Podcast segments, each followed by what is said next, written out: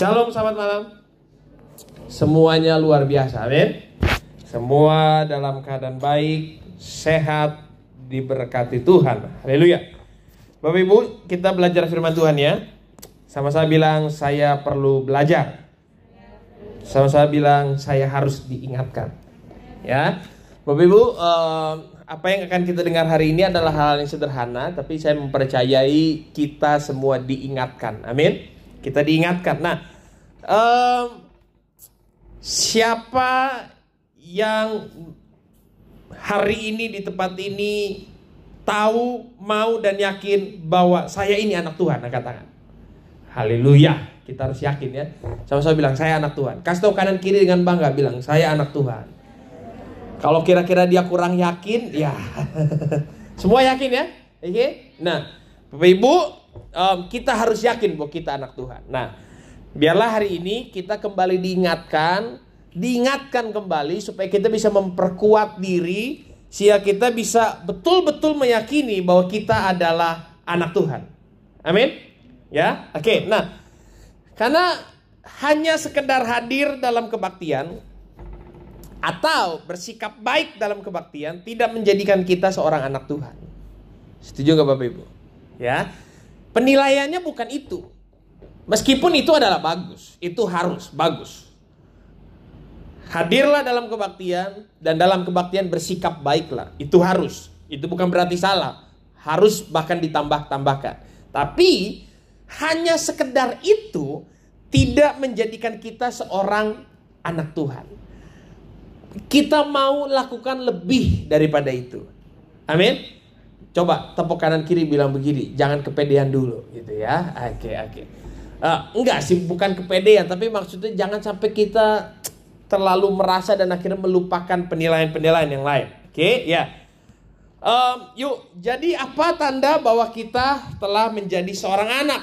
Nah, hari ini kita akan melihat kira-kira tanda-tanda yang harus terlihat dari kita bahwa kita ini seorang anak. Setuju ya? Seorang anak itu ada tandanya, ya. Jadi kita saling melihat kedalaman diri sendiri. Ada nggak tanda-tanda itu pada kita bahwa kita adalah seorang anak. Nah, yuk mari kita renungkan beberapa tanda bahwa kita ini adalah seorang anak. Yang pertama dikatakan anak serupa dengan ayahnya. Sama saya bilang serupa. Setuju Bapak Ibu anak serupa dengan ayahnya? Entah ayahnya atau entah ibunya tapi pasti ada kemiripan antara anak dengan orang tuanya atau bahkan sifatnya atau bahkan kesamaannya. Saya yakin Bapak dan Ibu pasti bisa melihat bahwa ada kesamaan antara saya, entah itu dengan papa saya atau dengan mama saya. Betul nggak? Kok kayak nggak yakin saya jadi gimana nih? Entah dari secara wajah atau secara apa, pasti ada kemiripan, betul? Saya nggak mirip sama Koheri. Karena saya bukan anaknya Koheri. Saya anaknya Pak Anton. Nangkep gak? Kok sederhana begini kayak nggak nangkep gitu ya? Nah, siapa Jordan juga nggak akan mirip dengan Pak Anton. Jordan akan mirip dengan Ibu Levina. Nggak mirip juga sama Harry gitu ya, tapi mirip dengan Ibu Levina kan gitu kan. Tapi pasti ada kemiripan dan kesamaan. Nah, mungkin Jordan nggak ada kemiripan wajah dengan Pak Harry. Jordan putih. Pak Harry putih. Hatinya. Tapi mungkin sifat ada kemiripan. Betul nggak? Mungkin prinsip, nilai, dan yang lainnya. Nah, pasti ada. Jadi kalau seseorang betul-betul nggak mirip dengan orang tuanya, maka itu sangat dipertanyakan. Coba kita lihat Yohanes 14 ayat yang ke-9. Yohanes 14 ayat yang ke-9 berkata, e, barang siapa telah melihat aku, ia telah melihat Bapa. Yesus berkata nih, kalau kamu pengen tahu Bapa yang di sorga, lihat aku aja. Karena barang siapa telah melihat aku, ia telah melihat Bapa. Sehingga kamu nggak perlu lagi berkata, tunjukkanlah Tuhan itu kepada kami. Bapak Ibu, setuju nggak dengan saya? Yuk coba kita renungkan ini. Bahwa untuk orang bisa tahu Tuhan Yesus, gak perlu datang ke gereja. Setuju nggak Bapak Ibu? Setuju nggak? Atau enggak Pak, harus ke gereja. Kalau orang untuk tahu Tuhan Yesus dan lihat Tuhan Yesus harus pergi ke gereja, berarti kita gagal sebagai orang Kristen. Haleluya. Karena waktu kita keluar dari gereja, harusnya kita menggenapi firman ini. Di mana waktu orang melihat kita, orang bisa melihat Yesus. Orang bisa melihat Tuhan di sana. Kita ini semua yang ada pada Yesus, bukti otentiknya tuh harusnya ada kepada kita. PowerPoint-nya aja lihat coba. Karena um, anak bukanlah tiruan atau fotokopi, tapi ciri penting dan esensialnya itu ada pada kita. Genetiknya, golongan darahnya, DNA-nya itu ada pada kita. Kalau kita ada di anak-anak remaja, anak-anak muda suka bilang begini, ehm, Yesus aja gondrong kak, jadi kita harus gondrong. Nah, ya itu pemikiran, oh kalau sama mesti kayak Yesus berarti ya mesti gondrong, jenggotan dan yang lain. Uh, bahkan ada yang sampai tanya, kira-kira Yesus buncit atau enggak? Kayaknya enggak ya. Dia tukang kayu dan ke mana-mana dia jalan. Berarti kita yang buncit-buncit ini enggak serupa dengan Yesus gitu ya. Tapi kan persoalannya dia bukan tiruan atau fotokopi, bukan jiplakan, tapi gini, ciri dan esensinya itu ada pada kita. Nah, sekarang coba kalau saya mau tanya sama Bapak Ibu. Menurut Bapak Ibu, sepengenalan Bapak Ibu, Tuhan itu apa dan seperti apa? Coba. Ayo. Harusnya ini nggak pakai mikir. Apa? Penolong. Setia. Kasih, penyembuh, pemberi makan orang banyak. Setuju? Itu Tuhan kita? Ya nggak kita lihat aja, kira-kira itu ada nggak dalam diri kita? Kita penolong nggak? Kita setia nggak? Kita pengasih nggak? Kita tukang kasih makan orang nggak? Kita suka menyembuhkan orang nggak? Karena saya percaya begini, kalau cirinya Yesus ada dalam kita, kita tuh akan menjadi magnet buat orang-orang. Pasti. Pasti. Pasti itu Tuhan akan mengirimkan orang-orang yang perlu untuk tahu siapa Tuhan dikirimkan kepada hidup kita. Uh, menjadi anak Tuhan bukan bukan persyaratan untuk sebuah pekerjaan yang khusus, bukan. Kita tuh lagi disiapkan untuk sebuah gaya hidup yang khusus. Sama saya bilang gaya hidup. Sama saya bilang cara hidup. Sehingga di mana pun kita berada, apa pun yang kita lakukan, Gaya itu nggak berubah. Um, kesaksian sederhana. Jadi kemarin itu kita nganterin saya dan istri nganter papa mama mertua saya untuk pergi vaksin. Nah, karena usianya udah cukup lanjut 70 lebih, jadi perlu diantar. Puji Tuhan dalam proses semua berjalan dengan baik sehingga proses berjalan bagus. Uh, juga ada mamanya Kamarisi juga itu ya semua haleluya puji Tuhan berjalan baik tapi mama mertua saya tensinya tinggi jadi um, apa musi istirahat dulu dan yang lainnya masuk ke gerombolan ah situ lansia lansia semua tuh lansia lansia yang tensinya tinggi semua. Kita kan orang baik ya gitu ya. Jadi kita udah biasa ngelihat yang begitu jadi nggak bisa nyantai diem ya. Bantu bopong opa oma angkatin kursi roda dan yang lainnya. Itu udah kebiasaan kita melakukan itu. Bapak ibu tolonglah. Yuk kita belajar. Kalau ngelihat orang susah jangan dikasihanin. Sering gitu kita kan kita lihat orang susah aduh kasihan ya. Jangan jangan dikasihanin ditolong. Bilang kanan kiri ditolong. Jangan dipikirin ditolong. Ya kita keseringannya cuma mikirin dong aduh. Pusing mikirin dia kasihan. Jangan dipikirin ditolong aja gitu nah kita lihat itu yang udah terbiasa langsung aja tolong dan yang lain semua. Nah lihat yang lansia lansia ini kumpul opa oma om tante semuanya udah tahu tensinya disuruh turunin, tapi yang terjadi malah di situ ngegerutu, marah, ngomel ya itu tensi nggak akan turun tambah naik yang ada gitu kan. Nah istri saya udah terbiasa, memang dia itu luar biasa lah, sinterklas sekali. Dia melihat yang kayak begitu tuh langsung aja bisa idenya muncul, langsung telepon ke Ria ya, Ria minta obat darah tinggi apa yang bagus, langsung dikirimin beberapa banyak. Tadinya rencananya cuma buat ngasih ke mama mertua supaya tensinya turun. Udah dikasih, lihat yang lain. Aduh, tante kasihan banget mau obat kak mau mau. Sampai akhirnya sampai siang itu di situ istri saya jadi sinterklas bagi-bagi obat darah tinggi. Sampai orang yang tensinya naik, oh itu uh, ke situ aja ada cinci yang bagi obat itu. Itu udah kayak kita panitia vaksin salah satu bagian dari tensi yang nggak turun begitu ya. Sampai panitia begitu. Istri saya udah sampai obatnya habis dan um, artinya udah udahlah udah udah cukup selesai pulang. Panitianya yang nanya, Ci, Bu udah mau pulang Bu gitu ya. Karena acaranya belum selesai. Tapi itu menjadi ber, berkerumun, bergerombol orang-orang yang nggak tahu bisa tahu. Dan puji Tuhan, semua yang lihat tahu. Oh, Silva, Silva, Silva, Silva. Oh, menantunya Ibu Lina katanya gitu ya. Tapi Bapak Ibu bisa bisa bisa ini enggak? Bisa nangkep ceritanya enggak? Kalau gaya hidup itu ada pada kita, maka kita akan selalu menjadi orang yang siap dipakai Tuhan dengan semua situasi dan kondisi. Hal-hal yang spontan itu bisa keluar dari kita dan kita bisa menolong orang banyak sama seperti Yesus. Yesus itu mau kasih orang makan banyak, dia nggak bikin proposal, bikin program, direncanakan, oh nanti bulan sekian ya kita kasih makan. Enggak, tapi semua itu begitu dia melihat, dia langsung lakukan itu. Amin Bapak Ibu? Nah, dalam kehidupan kita pelayan Tuhan, coba yang pelayan Tuhan angkat tangan, yang pelayan Tuhan, pelayan Tuhan, haleluya, pelayan Tuhan ya.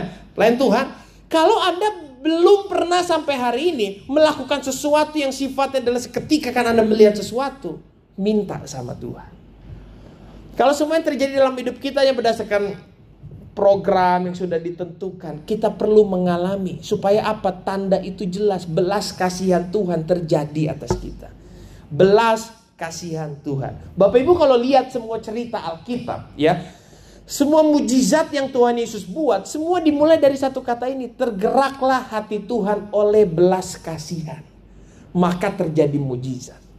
Jadi mujizat itu terjadi, maaf nih Bapak Ibu, maaf. Mujizat terjadi bukan karena engkau rajin, sudah memenuhi semua kewajiban, berdoa begitu lama, baca Alkitab begitu banyak. Tidak, tidak, tidak. Belas kasihan Tuhan. Dan Bapak Ibu tahu nggak belas kasihan Tuhan ada di mana? di jiwa-jiwa. Di jiwa-jiwa. Kalau Anda, hati Anda sulit mengasihi jiwa-jiwa, Anda jauh dari mujizat. Pak, saya rajin berdoa lu Pak. Jauh Pak, maaf. Pak, saya udah sibuk pelayanan. Jauh Pak, maaf. Kalau hati kita terus berkutatnya pada diri sendiri, kita akan jauh dari mujizat. Kalau Anda mau lihat banyak mujizat Bapak Ibu, izinkan saya menyarankan, taruh hati Anda pada jiwa-jiwa. Taruh hati Anda pada tempat yang bukan diri Anda sendiri. Sehingga kita setiap hari bisa datang tuh kepada Tuhan dan berkata, Tuhan, saya mau jadi berkat. Tuhan, saya mau jadi berkat. Um, persoalan jadi berkat itu Bapak Ibu nggak perlu khawatir karena bukan soal apa yang kita punya dan kita nggak punya. Tapi itu soal kehendak Tuhan. Dan kalau itu kehendak Tuhan, maka dia menyediakan untuk kita mengerjakannya. Setuju Bapak Ibu? Amin, setuju? Dia mengerjakannya buat kita. Makanya kalau Anda untuk melakukan sesuatu buat Tuhan, masih berpikir saya nggak punya itu Pak. Anda belum anak. Karena yang kedua dikatakan anak mempunyai tempat anak selamanya memiliki tempat. Dia punya rumah di tempat bapaknya, dia tetap diterima. Anak sejatinya akan selalu mempunyai tempat di rumah. Nggak peduli apa yang dia lakukan, mau dia nakal, mau dia bandel, mau dia baik, dia selalu punya tempat di rumah. Bahkan mungkin dia punya hal-hal yang berbeda, tapi dia tetap punya tempat di rumah. Setuju Bapak Ibu? Kalau Anda anak, Anda punya tempat di rumah. Saya yakin senakal-nakalnya saya masuk ke rumahnya Ibu Lina, saya tetap punya tempat di sana. Saya tetap diterima di sana. Kita anak, Bapak Ibu yang punya anak juga demikian kan? Pasti demikian. Alkitab juga berkata demikian. Coba kita lihat Yohanes 8 ayat 35. Yohanes 8 ayat 35 berkata, "Dan hamba tidak tetap tinggal dalam rumah, tetapi anak tetap tinggal dalam rumah." Anak ada di rumah. Kalau Anda bilang Anda anak, Anda punya rumah. Dan bukan cuma sekedar nanti mati masuk ke surga, bukan cuma sekedar itu. Tapi berarti semua yang ada di rumah Bapa itu juga bisa kita pergunakan. Coba kita lihat. 1 Yohanes 2 ayat yang ke-19. 1 Yohanes 2 ayat ke-19. Memang mereka berasal dari antara kita, tetapi mereka tidak sungguh-sungguh termasuk pada kita. Sebab jika mereka sungguh-sungguh termasuk pada kita, niscaya mereka tetap bersama-sama dengan kita. Garis bawahi kata ini, tetap bersama-sama dengan kita. Yang namanya anak, dia pasti akan tetap bersama-sama dengan bapaknya. Bapak Ibu, jangan sepelekan satu garis kalimat ini bahwa kita punya rumah. Arti rumah bukan cuma sekedar bangunan, itu adalah tempat untuk pulang, tempat untuk beristirahat, tempat Anda bisa memiliki sesuatu, tempat Anda bisa menikmati sesuatu. Itu rumah. Setuju Bapak Ibu? Bukan cuma sekedar gedung dan bangunannya. Nah, kalau kita tahu kita anak Tuhan, maka kita harus tahu ini bahwa kita selamanya memiliki tempat di dalam Tuhan. Setuju Bapak Ibu? memiliki tempat dan Bapak bilang di tempatku tersedia semuanya. Persoalannya kan kita mau pakai itu buat siapa? Waktu kita berkata Tuhan aku perlu yang ada di rumahmu buat melakukan kehendakmu. Maka dia akan memberikan apa yang dia punya memampukan kita mengerjakan kehendak Tuhan itu. Amin Bapak Ibu. Itu yang pertama. Makanya berkata, saya punya rumah, saya anak saya punya rumah. Berarti begini, Anda nggak akan lagi berkata, nggak mampu, nggak bisa, nggak punya untuk melakukan kehendak Tuhan. Karena apa yang mau kita lakukan bukan pakai kekuatan kita. Bukan pakai milik kita bahkan. Yang kita pakai milik Tuhan. Setuju Bapak Ibu? Kenapa orang sulit hidup jadi berkat? Kenapa orang sulit hidup melakukan kehendak Tuhan karena mereka berpikir melakukannya harus pakai punya mereka. Dah, pada kita melakukannya pakai punya Tuhan. Yang berikutnya bahwa kita punya rumah berarti begini. Kita nggak perlu lari dari siapa pun. Kita nggak perlu lari dari apa pun. Tempat aman kita ada di dalam Tuhan. Amin. Bahkan dikatakan dia tetap menerima kita. Bapak Ibu, Hari ini perkuat ini bahwa Anda boleh melakukan kesalahan, tapi Anda tidak perlu lari dari kesalahan. Setuju? Anda selalu punya tempat di dalam Tuhan. Anda selalu punya tempat di hatinya Tuhan. Banyak orang hari-hari ini persoalan mereka adalah dengan hati yang menuduh mereka, rasa bersalah, tuduhan daripada si jahat Hari ini biarlah kita kembali mengingat kita selamanya punya tempat.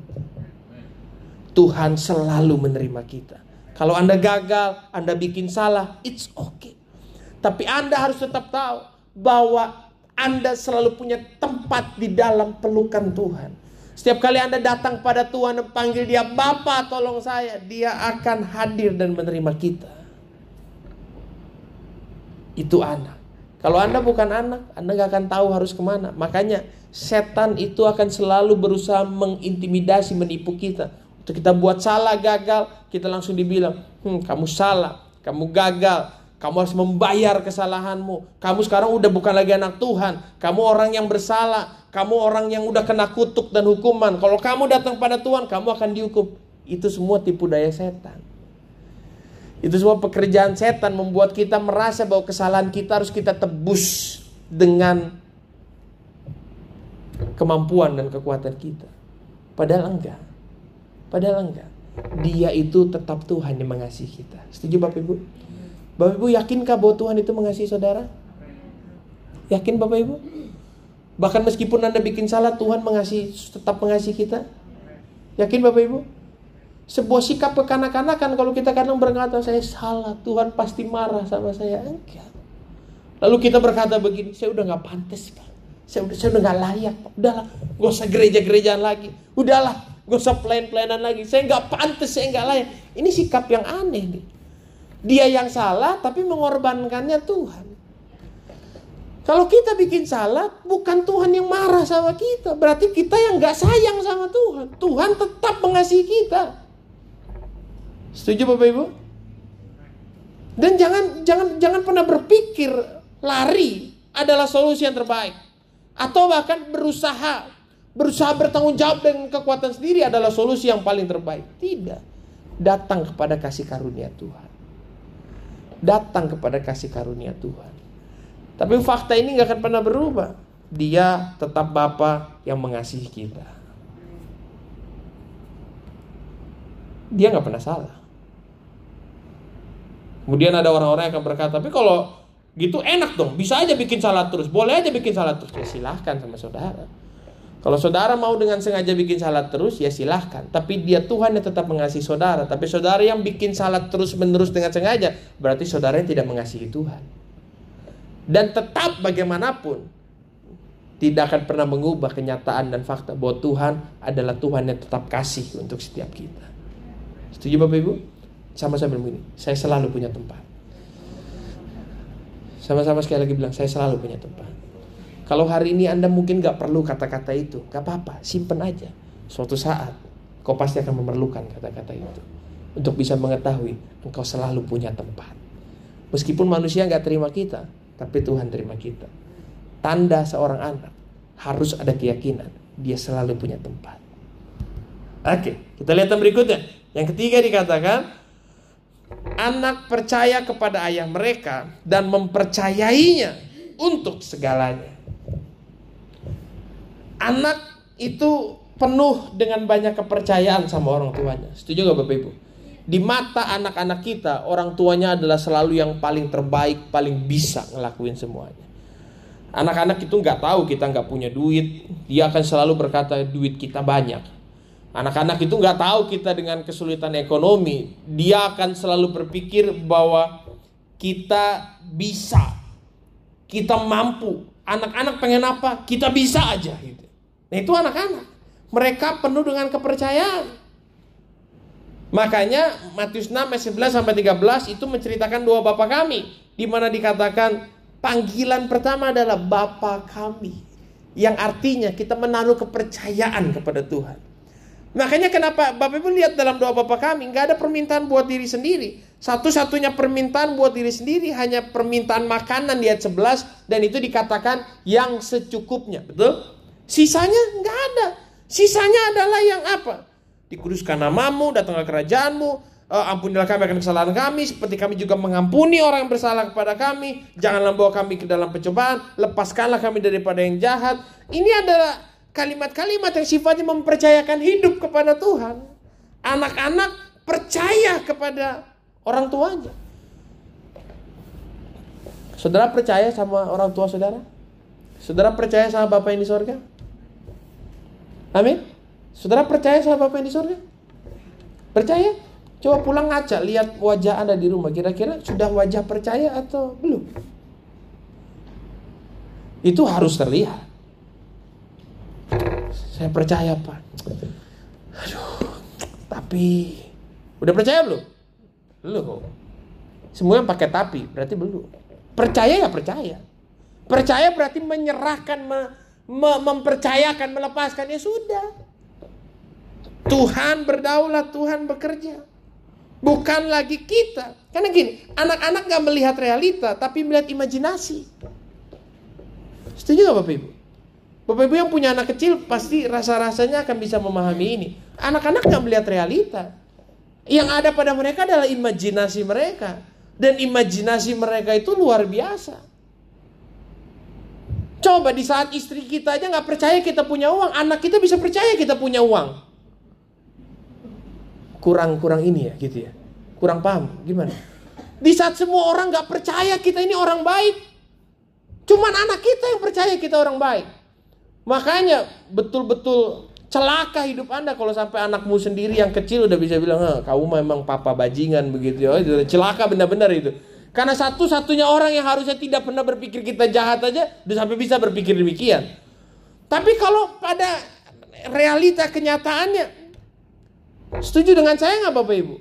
Seorang anak kepada orang tuanya, mereka kan melihat begitu superhero.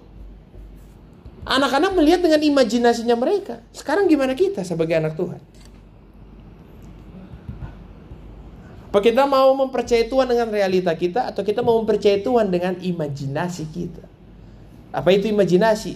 Iman yang adalah dasar daripada semua yang tidak bisa kita harapkan. Imajinasi bukan? Bukti daripada sesuatu yang tidak kita lihat itu imajinasi sekali. Percaya adalah percaya. Saudara percaya kepada Tuhan? Oke. Okay. Uh, eh, kita perdalam sedikit boleh Bapak Ibu ya kok kayaknya agak tegang gitu ya? Fit main yang sedih-sedih fit gitu ya? Oke. Okay. buat beberapa orang tahu ah udah yang sedih-sedih berarti udah mau selesai nih. Tenang poinnya sampai tujuh. Ini kan baru ke berapa? Baru ketiga gitu kan ya? Iya ya gini bapak ibu. Percaya kepada Tuhan. Sama-sama bilang percaya. Uh, saya nggak mau ini dipakai untuk menyerang siapa pun atau untuk apa pun. Sepakat dulu ya. Sepakat ya. Tapi ini harus menjadi perenungan pribadi kita aja. Untuk kita pelajari secara pribadi. Setuju oke? Okay? Ya, siap? Oke. Nah, um, mempercayakan kepada Tuhan. Kalau kita mengalami sesuatu, merasakan sesuatu, kemudian kita datang kepada Tuhan. Tuhan, ini saya perlu ini Tuhan.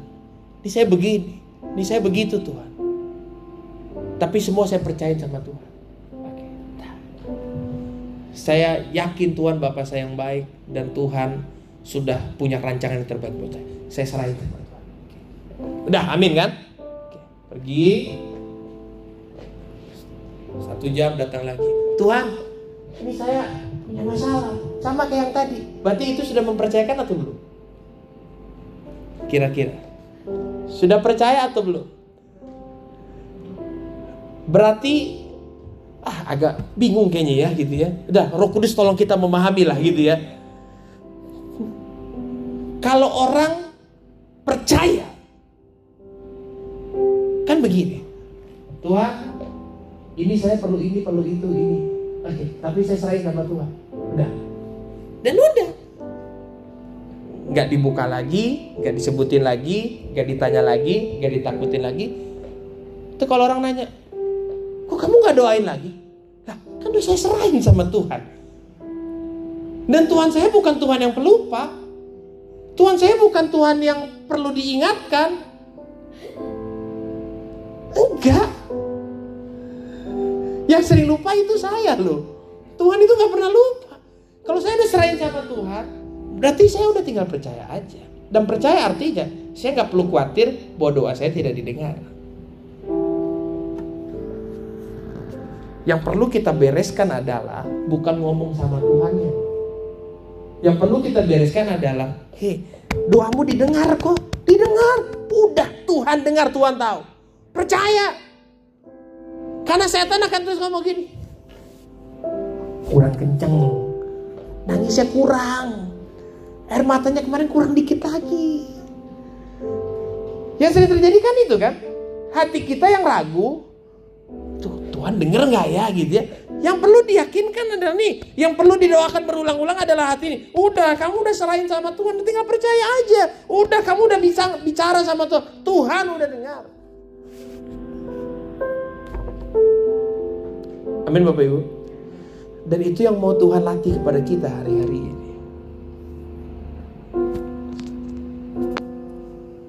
Saya bisa sampaikan Bapak percayalah, percayalah. Saya bisa sampaikan. Bahkan ini saya baru mengalami baru-baru ini.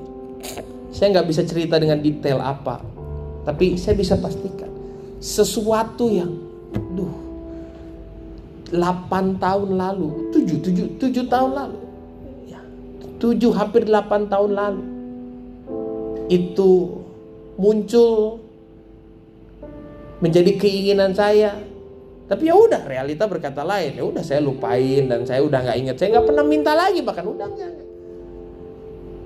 Tapi baru-baru ini Tuhan beri kepada kami. Dan waktu Tuhan beri Tuhan cuma bilang begini, ingat nggak?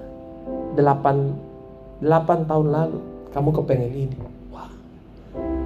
Saya bilang, Tuhan saya aja lupa Tuhan. Tapi Tuhan nggak lupa. Bapak Ibu, izinkan saya meyakinkan saudara bahwa Tuhan tidak pernah lupa. Bahkan apa yang sudah kau lupakan dalam-dalam, sudah nggak kau perlukan lagi bahkan nggak nggak kau ingat lagi. Tapi Tuhan nggak lupa.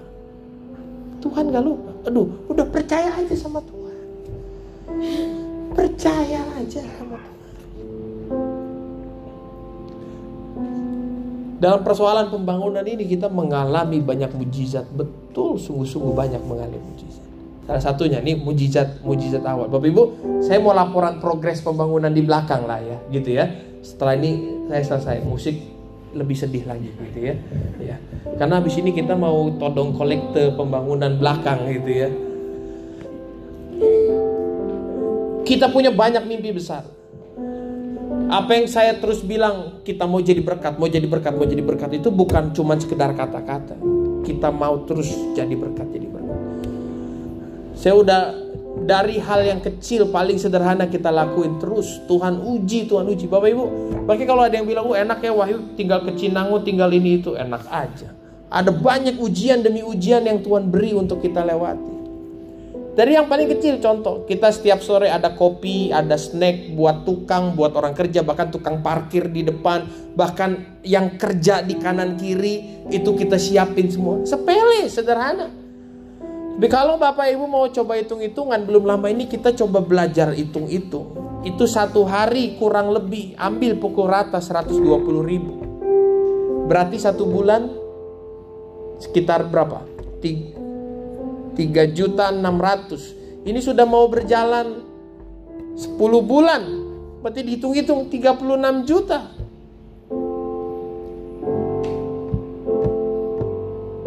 Siapa bilang enak tinggal di Cina udah tekor 36 juta nih.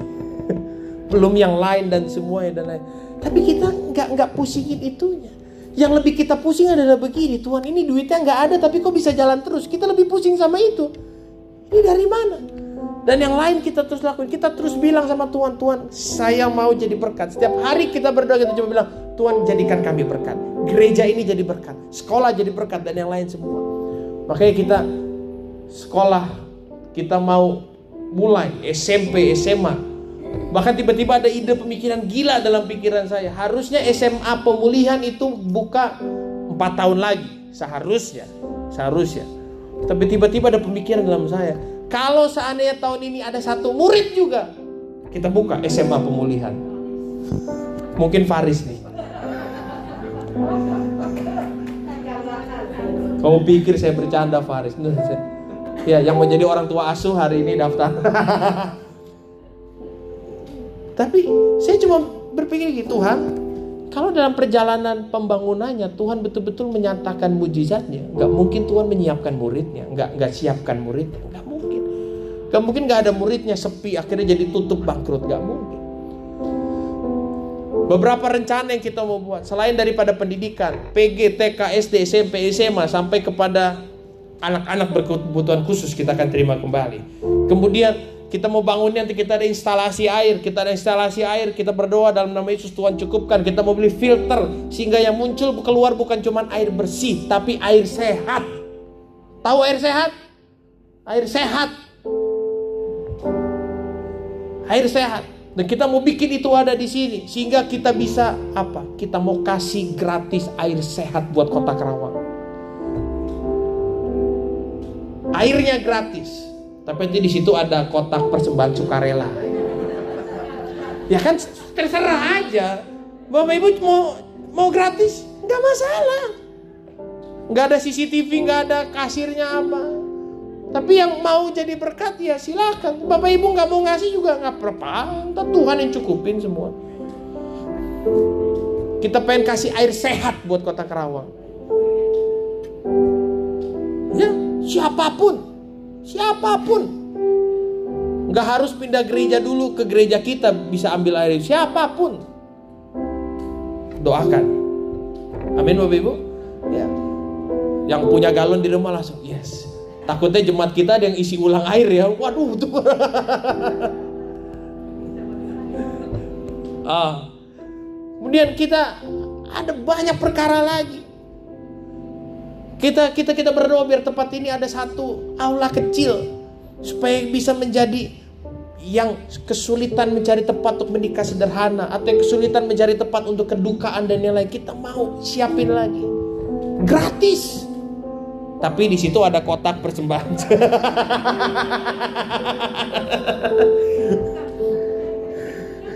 Gak, tapi prinsipnya kita tetap sama. Apa yang kita dapat dari Tuhan? Anugerah. Harus tersalur buat kota ini secara anugerah juga. Apa yang terjadi Bapak Ibu? Pembangunan kita di belakang ini. Itu hitung-hitungan budgetnya 2M. Kalau dilanjutkan sampai ke sana supaya ada tempat kedukaan dan yang lainnya itu kurang lebih 6M. Kalau Bapak Ibu duit kita ada atau enggak? Saya akan jawab ada. Berapa? 50 juta.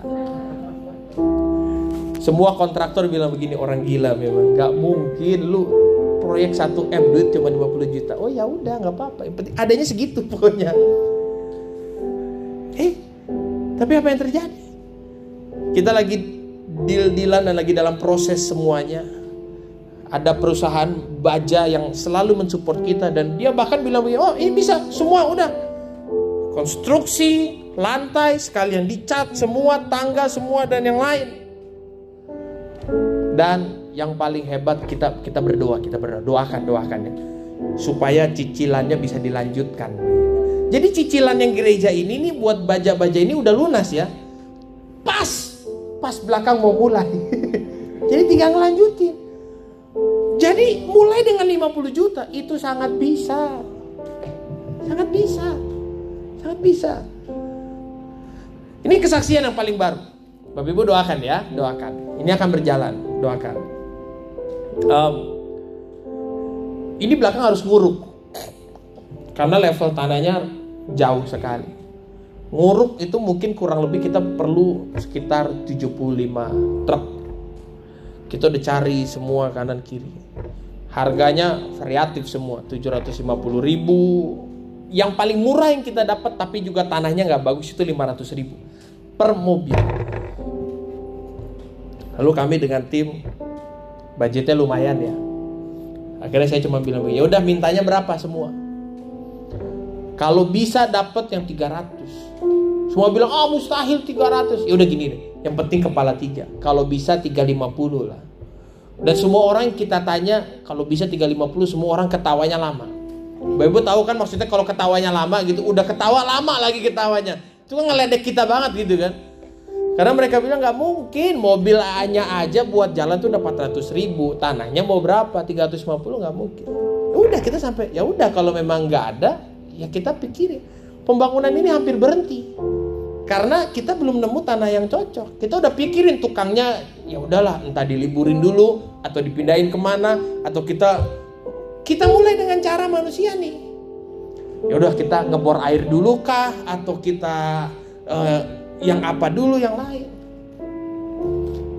Kita udah udah merencanakan semuanya.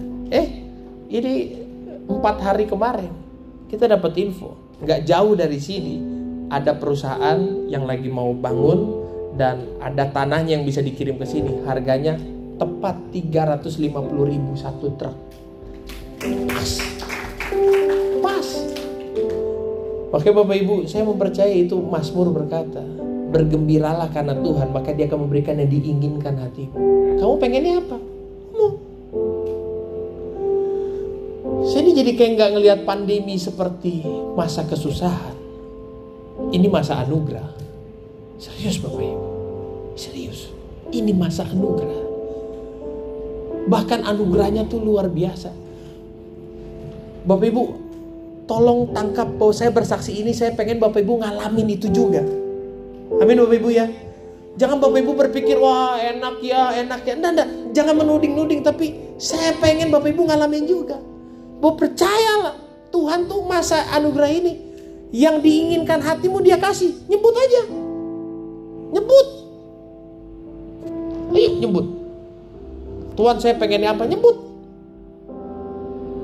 Kita udah buktikan berkali-kali. Tuhan saya pengen mulai pembangunan tapi saya cuma punya uang 50 juta.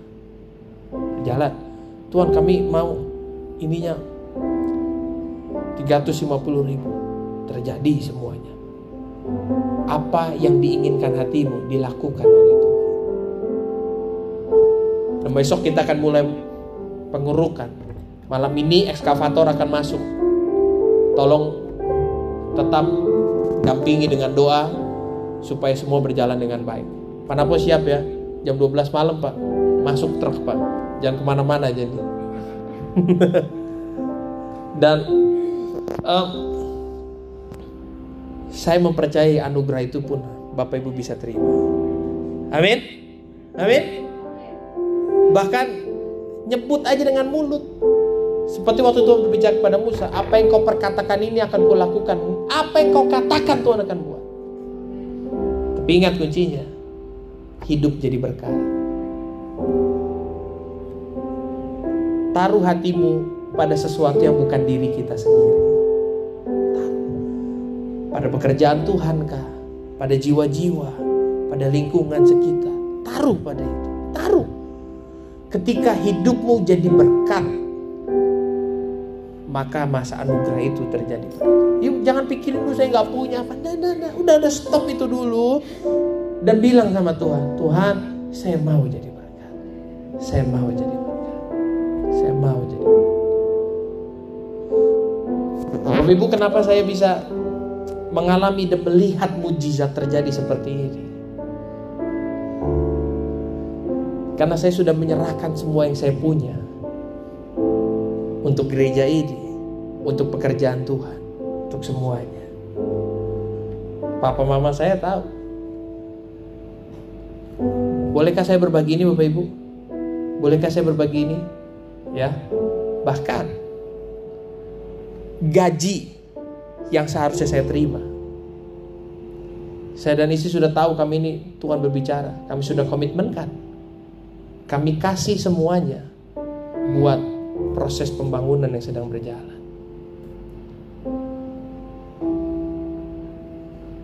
di Cileni tahu tabungan kami di asuransi udah kami sedot semuanya.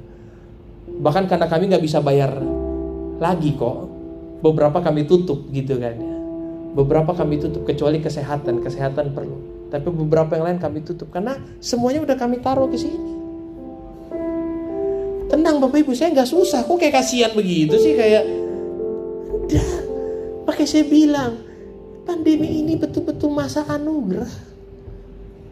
Saya aja nggak tahu saya bisa hidup bagaimana dan tapi sampai hari ini tidak berkekurangan bahkan berkelimpahan. Makanya mata saya bisa melihat mujizat terjadi terjadi. Karena apa? Saya udah nggak taruh mata saya, hati saya pada sesuatu yang buat diri saya. Karena seorang anak percaya kepada mereka, bapaknya. Bahkan mempercayakan dia untuk segalanya. Percayakan Tuhan buat segalanya. Bahkan papa mama saya sampai bilang begini, duh papa jadi mikirin kamu. Nah itu kesalahannya, cuman mikirin doang, nolong enggak gitu kan. Cuman mikir aja, udah gak usah dipikirin gitu lah. Ditolong aja langsung. Tapi dah, kita punya Bapa di sorga. Amin. Amin. Bapak Ibu, mau nikmati nggak? Begitu banyak mujizat yang saya alami. Duh, enak banget. Duh, Saya bisa bilang, enak. Anak-anak tinggal sama saya tahu lah betapa enaknya saya. Aduh, enak. Bahkan hal-hal yang saya pengen, bukan saya butuh. Saya cuma kepengen dikasih. Sampai saya tahu Tuhan tuh kayak mau apa ngomong, mau apa ngomong.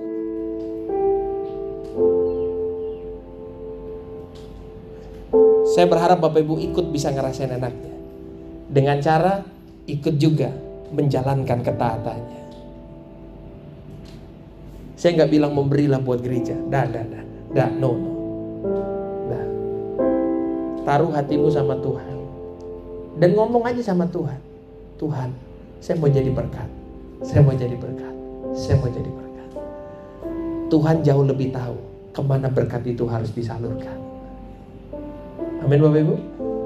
Dan waktu kita semuanya menjadi orang-orang yang mengalami mujizat, membawa mujizat, hidup penuh mujizat. Makanya tadi, setiap orang lihat kita, orang akan bisa tahu, kamu anak Tuhan. Kamu anak Tuhan. Kamu anak Tuhan. Karena setiap cerita kita adalah cerita mujizat, bukan cerita mengeluh. Setuju Bapak Ibu? Bukan cerita mengeluh. Jangan setiap itu haduh, haduh, haduh. Duh, repot kalau begitu. Repot. Dunia perlu kabar sukacita. Terus kalau kabar dari kita, aduh, aduh terus. Harus hari ini semua kabar yang terdengar dari kita, kabar sukacita.